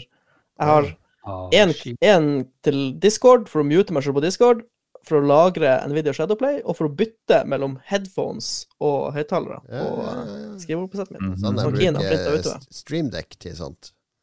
Uh, ja, jeg, jeg er litt sånn rar å bruke Ja, ja. noe manuelt eller manuell. Men ja, 3D-printing 3D-printing er kult. Men eh, det er nok som Lars sier også, at det, ja, Det det tar er så lang kult. tid. Men det er kult. Men Det er jo en i Snap-gruppa vår som driver og, og snapper tingene 3D-print hele tida. Det er sånn Bare 26 timer til denne bitte lille figuren er ferdig. jeg gleder meg til du kan 3D-printe sånn metall og sånn skikkelig solide ting. Det, da begynner vi å snakke. Jeg Da- mener, I Dubai så har jeg sett at de kan 3D-printe hus. De bygger hus med en sånn 3D-printer. Jesus. Ja, nå snakker vi, Mats. Du skal jo ja. du jeg trenger et 3D-printa hus, takk. Hvor jeg kan eh, sign me up. Mm. Vegard Fossum vil gjerne at vi skal snakke om endetidstegn. Ja, nå er det, det er ikke nok med at eh, Russland invaderer Ukraina, men nå driver jo Kina så på trappen til Taiwan, og da har vi plutselig enda et atomland klart til å fyre løs. Så akkurat Og den, det eh, den kalde krigen eh, er nå varm, og den er tilbake. veldig Nå gidder folk ikke lenger å roe seg. Nå skal de kjøre på, tenker jeg. Så vi kan glede oss. Neste blir India og Pakistan, eller jeg vet ikke. Iran, Irak og ja. Israel. Nei, vent litt. Har det, har det vært endetidstegn så lenge vi vokste opp? Altså ikke Mats, men meg. Jeg husker jo fortsatt at det skulle bli atomkrig når som helst. Og, og Reagan er en gærning, og, osv., som han òg Aleksandersen sang om. våre Jeg syns atomkrig er for jævlig! Og Ja, alle våre bomberom er jo nå bare fulle av støv og sånne falleferdige madrasser, så dem må vi jo ruste opp. Vi ligger på falleferdig madrassa og venter på bomba. Han Gorbatsjov og Reigen, de skyter hverandre ned. For en, eh, for en bra Åge du har. Jeg er en perfekt. Åge. Jeg er veldig god Åge, det må jeg si. Nesten så vi må vekke til live Pa- Paridot-spalten. Ja, den savner jeg. Den må vi ha neste gang. Oh, ok, kanskje, kanskje. Hvis, hvis lytterne vil ha det. Peter Parker ber om Vi lovte aldri å gjøre det. Peter Parker eh, eh, vil at vi skal snakke om anabole steroider. Rekk opp hånda de som har prøvd. Lars? Oi. Lars, hvordan var det? Det var veldig bra. Nei, jeg har ikke prøvd det. Men eh, vi snakka jo om eh, human growth hormone. Er det en anabol steroid? Nei, Det er en steroid, det? vet du. Ja, det er det. det men det er en, mer, det er en naturlig steroide som du har i kroppen. Så det er ikke så farlig som anabole steroider. Eh, Ja. De har jo, nei, vi snakka om eh, de her superheltkroppene, og eh, om, dem, om det er legit, de her Hollywood-skuespillerne. Og det er vel konkludert med at det ikke er legit i det hele tatt. Men de har veldig proffe folk rundt seg, eh, som sørger for at det er en trygg ramme. Og, så Men jeg hva om vi alle i en Roffelbua-sammenheng vi bestiller human growth hormone til alle, og så ser vi hvem klarer å se mest ut Det- som en superhelt? det er jo ulovlig, Lars. Du kan ikke bare bestille i posten. Du kan vel bestille i post? Nei. Jeg har ikke hørt at det er ulovlig. Men du kan, få det, du kan faktisk få det fra legen din, tror jeg. Hvis du har for lite, har for lite sånn, eh, testosteron i kroppen, så kan du gå til legen din og så kan du få liksom, testosteron på resept, sånn at du kommer opp på et nivå som er passende. Mm. Så ja. Kanskje vi, kanskje vi alle skal gå til legen og måle testosteronnivået. jeg, jeg, jeg, jeg jobba på eh, en av Jeg jobba på Akersmik, så var det en fast kunde som gikk fra på et halvt år til å være ganske feit og pløsen, til å bli sånn der kona til Barbarian. Han kom innom titt, for han kjente to av de som jobba i butikken der, og så fortalte de to at de hadde vært ute med han eh, på byen. Eh, og det hadde vært på sånn utested, så hver halvtime han forsvunnet ut døra, blitt borte, borte ti minutter, kom han tilbake da. Og, og drakk mer. Og de bare 'Hva er det du gjør?' Nei, jeg, jeg blir sint hele tida. Så jeg må bare ut og, slå, og slåss. så jeg bare dro ut til et utested over gata og begynte å rote med noen i en kø, og slåss litt, og så kom han inn igjen. fordi fordi han var så full av de her helvetes steroidene. Han måtte bare ut. Han ble så sint, så jeg kan ikke sitte her, for da blir jeg sint på dere. Så jeg må bare ut og finne en tilfeldig dude som jeg kan slå ned, og så gå inn igjen. Så det var, det var nok til å skremme meg vekk fra det der for godt, i hvert fall. Ja, det, beste, det beste er El Naturell. Ja, El det er- Våre er kropper i Lolbua. Nå må vi faen meg gjennomføre den der nakenkalenderen vår, så får de se El Naturels uh, i all sin prakt. Ja. Oh yes. Martin Pettersen, Paracet i rektal form, har dere prøvd det? ja. Ja. Yes. Mats, kom igjen, har du ikke hva, Jo, jeg tror da jeg var a wee baby boy, så har jeg fått stappa ting Ah, Har du ikke dytta opp noe der i voksen alder? Men hvorfor vil du gjøre det i voksen alder? Ja, Hvis du f.eks. opererer bort Ah, mandlene dine, Ja, skal ikke drive og svelge ikke- svære tabletter. Jeg har ikke operert mandlene mine. Etter at jeg fjerna mandlene mine, så dytta jeg eh, seks tabletter i døgnet opp i ratatan. Og det var ene var hver sjette time, den andre var hver åttende time. Så jeg hadde to sånne alarmer på. Så jeg bare lå og dytta ting opp i ræva hele tida. Men de er jo forma som torpedoer. Jeg lurer på om jeg putta de feil ved, for jeg putta de med en spisse en først. Jeg lurer ja, på om de skal med en andre. Det skal jo spisse en først. Ja, eh, Du skal jo ikke ja. torpedere ut av ræva di, så! Ja, men jeg tenker at den der krumme baksida den skaper et slags vakuum som gjør at den bare blir der. For ellers så bare Det var liksom vanskelig å få den til å bli inni ræva, liksom. det er ikke noe vanskelig. Bare å slippe den inn. Du må slappe, du må slappe av. Du må slappe av. La den rette komme inn. Jeg vil ha råd fra lyttere. De har eh, hvem har rett? Nei, det er ingen problem med det. Jeg har god øving i å dytte sånt opp. Både i mitt eget og andre sine anus. Jeg er jo barn, ikke sant, så de har jo fått masse Paracet i rektalform. Ja. Torbjørn Prøyskau han sier at uh, flere og flere av podkastene han uh, følger, de blir plukket opp av betalingsløsninger som Podme og Podimo, så han lurer på om nettsyklusen er fullendt og tida er over for gode podkaster med gratis innhold. Hm, ja vel. Det, blir, eh, blir Lolbua kun bak betalingsmur? Det er jo et naturlig spørsmål. Pff, nei, men det er jo Problemet hans er jo at han betaler jo gjerne direkte til de fem. Altså, han støtter jo Lolbua, og jeg tror jeg husker ikke om han Patreon, men jeg tror Torbjørn har vært en støttespiller i mange år, enten han betaler for det eller ikke. Så han er en kjernekar som har sendt inn gode lytterbidrag og bidratt på mange måter. Men uh, han, han sier jo at han støtter jo flere av de direkte, ikke sant, via Patreon og andre steder, men han støtter ikke det paraplydriten som de legger seg under. Fordi da må du plutselig subscribe på en tjeneste der det er en uh, masse jalla og strikkepodkaster og annet drit som du ikke vil ha for å få den ene podkasten. Ja, det er ikke sånn med Netflix og sånn. Du må jo bare betale for det du vil ha. Så kan du Ja. avsubscribe når du har hørt. Jeg tulla jo med Madsson der, for jeg la jo ut en headline med han der stakkars fyren med skjegget som Nå må jeg betale for fire forskjellige podkasttjenester for å høre mine favorittpodkaster. De, de driver og differensierer der òg. Ja. ja, det er Jeg tror det er mye De driver og prøver ut mye, liksom. eh, Du, vi tuller jo med de der bilvarmerne Altså varme i bilsetet òg, at du må abonnere på det. Så jeg, jeg tror bare det er en sånn slags utprøvingsperiode nå. Se hva er det forbrukerne tolererer, hva er det de ikke tolererer, og så Ja. Så blir det en, ja, et bølgete landskap, Ja. tror jeg vi går inn i. Altså, tror jeg, hvis du er nor norsk og lager en podkast og tenker at dette skal jeg leve godt av dette skal, Vi er to stykk. Vi skal tjene tre til fire millioner i året. For det, det er vel det du trenger hvis de, begge de to skal heve en ganske god lønn, og du skal ha andre eh, penger til andre ting òg. Det går ikke, rett og slett. Det er ikke, det er ikke nok folk i Norge som orker å betale for det, fordi du har allerede noe radio... Det var ikke de lenger heller, det heter Papaya. Du har noen få store eh, som tar, tar den oppmerksomheten. Jeg tror ikke engang Bonde og Tusvik, hvis de skulle lage sin egen abonnementsgreie, hadde klart å komme opp i de summene. Så vi er ikke et stort nok land til det her, og derfor må de samle seg inn under disse mediehusene som samler masse podkaster og kan selge annonser til alle samtidig, og, videre. Men enn så lenge Det er jo annonser i Lolbua Å, vi får jo penger for det, men det er jo gratis å høre på. Men hvis de skal putte oss bak en sånn betalingsmur, da setter vi foten ned. Lolbua skal alltid være fritt tilgjengelig for alle. Remember those words. 600 megabyte ram, det er alt vi trenger.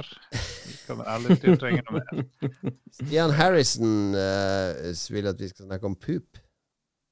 Pup, pup, pup. Det har vi snakka om i min kjeller, så vær så god. Ja, det har vi faktisk vært innom. Ja. Hva med ølglass, folkens? Han Frank eh, Toren Hansen vil gjerne at vi snakker litt om ølglass. Ja, for det Nå, nå har jo øya begynt med sånn hardplast.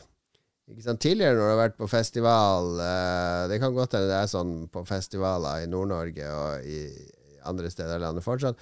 Så får du sånne ganske tynne, skjøre plastglass, ikke sant? Eh, Fylle opp Mm. med øl. Ja, de er ganske gode og leskende å drikke av. Så når du er ferdig, så kan du slenge dem fra deg. Eh, de, de knekker av ingenting og sånn. Mens øya i stedet så Øl koster sikkert eh, 100 spenn eller noe sånt, men første øla di koster 160 spenn. Så bare What?! Ja, det er fordi det koster 60 spenn for den der Du får en sånn hard plastkopp så du skal ha de.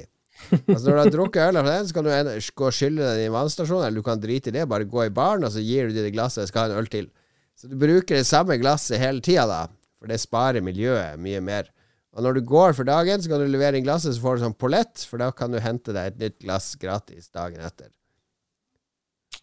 Det blir som å ha en sånn fast kaffekopp på jobb.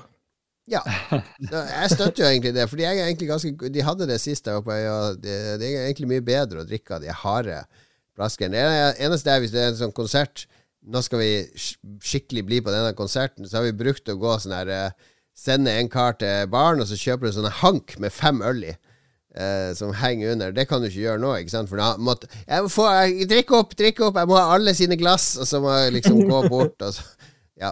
Så det, du får ikke den gleden lenger av å bære på den enorme hanken med fem pils. Og det er noe av det mektigste man føler seg på festival. Aldri følt meg så mektig som den gangen jeg kjøpte ti øl og bærte to sånne hanker med fem øl i hver gjennom folkemengden. Da føler du deg Se hvor mye øl vi skal drikke, da! Åh!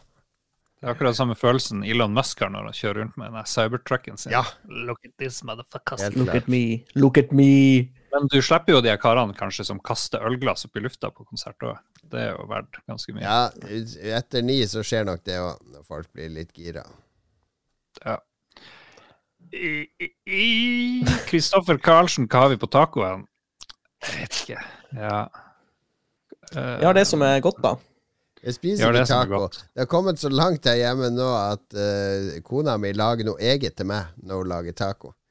Så da lager hun ofte sånn der uh, enchilada til meg, eller uh, wow. Fantastisk. Hun bruker jo samme et ingredienser, men hun lager Jeg vil ikke ha det som taco. Du du kan jo fortelle litt om, om ritualet du har, Lars. Du har jo en sånn fin accessory du bruker. En Ja, sånn, ja, sånn- ja. Jeg har fått fra vår venn Kien Jeg har fått en tacobuss, eller to tacobusser. Det er sånne eh, holdere for taco. Noen ganger så har jo folk en sånn enkelholder, men det her er en plaststøpt eh, liten buss med plass til to tacoskjell oppi, og da kan du si tut-tut, du kommer tacobussen. Og så fyller du selvfølgelig først på med kjøtt, det er jo universalt eh, kjent, og så Ja. er det helt random. Og det er Eh, ost. nest- Nei, nei, nei, du må ha ost etter kjøttet. Nei, nei, osten skal øverst, uh, over rømmen, som er liksom nest sist, og så har du ost, og så har du salsa. Salsa Eller har du osten Har du liksom rømme og salsa og sånn, og så har du ost på toppen av det? Rømme, ost, og så salsa, ja. Oi. Mm, Spennende. veldig spennende. Folk love this. People love this shit. Han Kristian Kjesse var veldig spent på Jon Cato sitt svar, men det, det ble Jeg lager enchilada. taco. Altså, jeg får egen rett når vi har taco. Så jeg er heldig. Mm. Men eh, ja, jeg tror det når du er barn, så får du spesialtilpassa mat. Og når du begynner å bli skikkelig gammel, da får du òg spesialtilpassa mat. Jon Cato spiser ikke taco. jeg- jeg- Han kan ikke spise taco. Jeg blir 50 år nå straks, ikke sant? Jeg har ti år igjen å leve. Jeg dør når jeg er 60. Det vet jeg. Det er jo min far og faren hans før det. Så eh, Mm. hvorfor skal jeg sitte og spise ting jeg ikke liker de siste ti årene av livet mitt? Ja, ta vare på tida du har. Ja, nettopp. Mm. Jeg har 3650 måltider igjen. Så eh, ikke, mange. ikke én av de 3650 skal være taco. Herregud, det er jo så godt.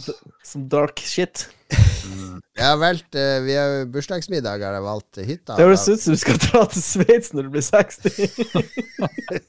Og legge deg i sånn der nitrogenbeholder. Kanskje det. Ja, det, er folkens! Kanskje, det. kanskje vi- hvis lovene endrer seg og det blir lov med drap, så skal du få lov å skyte meg, Mats. Det?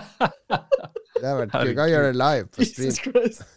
Hvilken våpen foretrekker du å bli skutt med? Nei, det må være stor, stor En kaliber. kanon! Skutt av en kanon. Stort kaliber. Det hadde vært kult, da. Han, drept av en eh, kanon.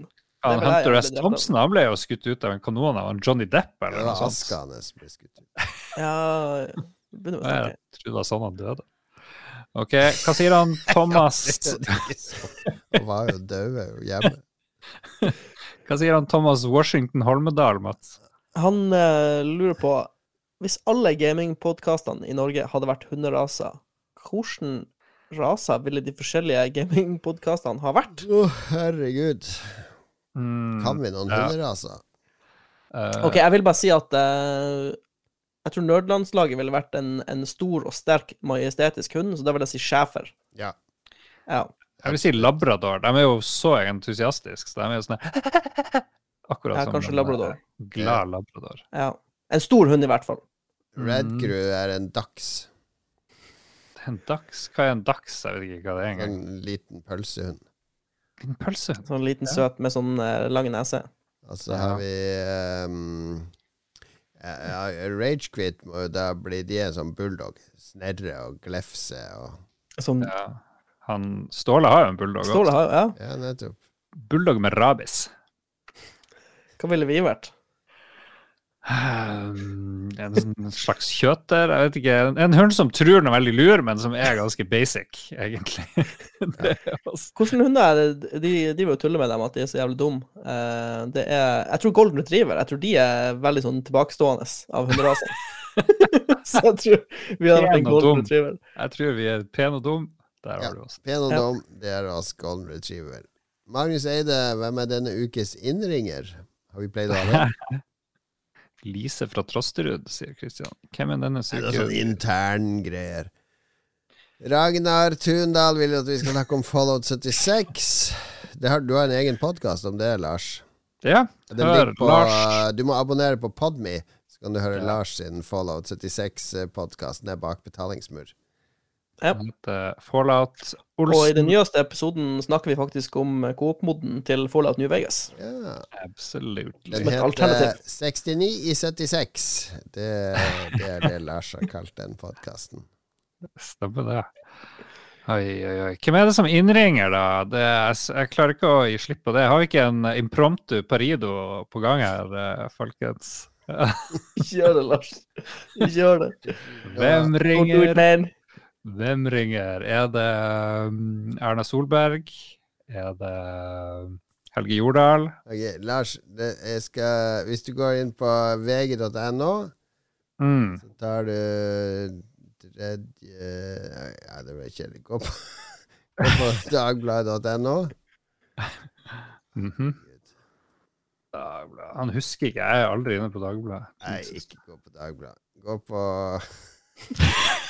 tv2.no. Da er det prime content. Og så tar du han uh... Er han, Justin. Bieber, han Justin Bieber ringer jo inn, selvfølgelig. Ok, ring, ring, ring, ring. Hallo, hvem er det som ringer? Oh, well, hello? Hello, who is this? Look at there, there's water on my floor! No, it's water! I feel no! oh my god, is, is it Justin Bieber? Yes, hello? Hello, how are you? How was Trondheim? Oh, so good to have so dry weather. Dry weather? Oh, so dry weather in Trondheim. Are you? What's wrong with your accent, Justin? It, you don't sound Canadian anymore. I like to watch anime. Sugoi! Okay, okay. Anime. What's your favorite anime, Justin? And it's the one where the bear becomes the human, you know, uh, Ranma Ranma one two. Yes, he gets wet and I hate it, I hate it. And Alright. he turns into a girl. What what what do you like about Lolbua, Justin? Uh, Lulba, you boys. I love the boys. I don't like girls. I like the boys. Okay, Justin. It's starting to go downhill now. Do you have any last message to the Lulbua viewers? I like Michael Jackson. He's my favorite. He like the boys too. Bye bye. Tusen takk til eh, Justin Bieber som ringte inn der. Kristoffer Getterboys lurer på om vi kan snakke om hvor bra lytterspalten var sist. Den var ikke bra sist, men dette er prime content, Kristoffer. Christopher. Jeg føler vi har gjort opp for den dårlige sist. Ja. De siste Tom som vil snakke om fisketaco, og det er jo en vederstyggelighet i forhold til vanlig taco. Eller Jeg har hva? aldri spist uh, fisketaco. Lars, du har spist fisketaco Jeg hos eh, fisketaco. Katarina. alle. Katarina lagde en enorm god uh, Det var det bedre enn vanlig taco. taco. Bedre og bedre. Jeg syns det er fint med litt forandring her i livet. Så Ja, hvor ofte har du laga fisketaco sjøl, da, siden det er så fint med forandring? aldri.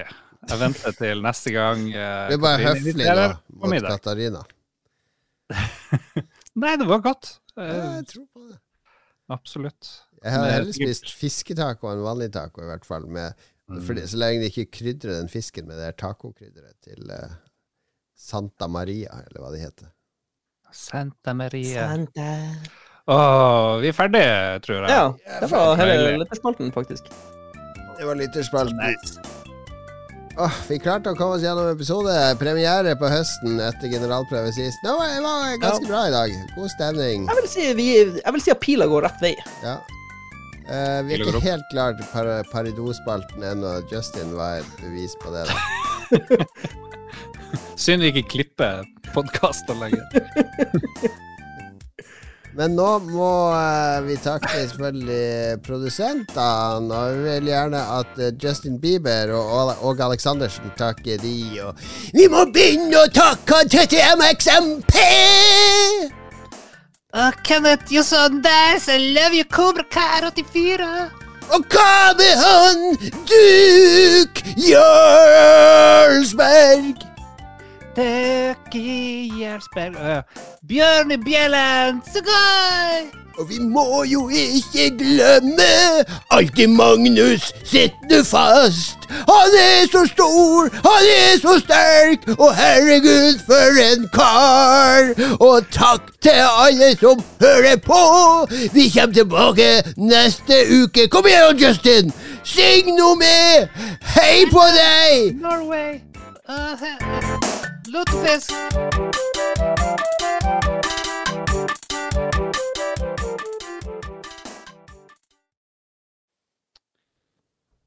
Har du et enkeltpersonforetak eller en liten bedrift?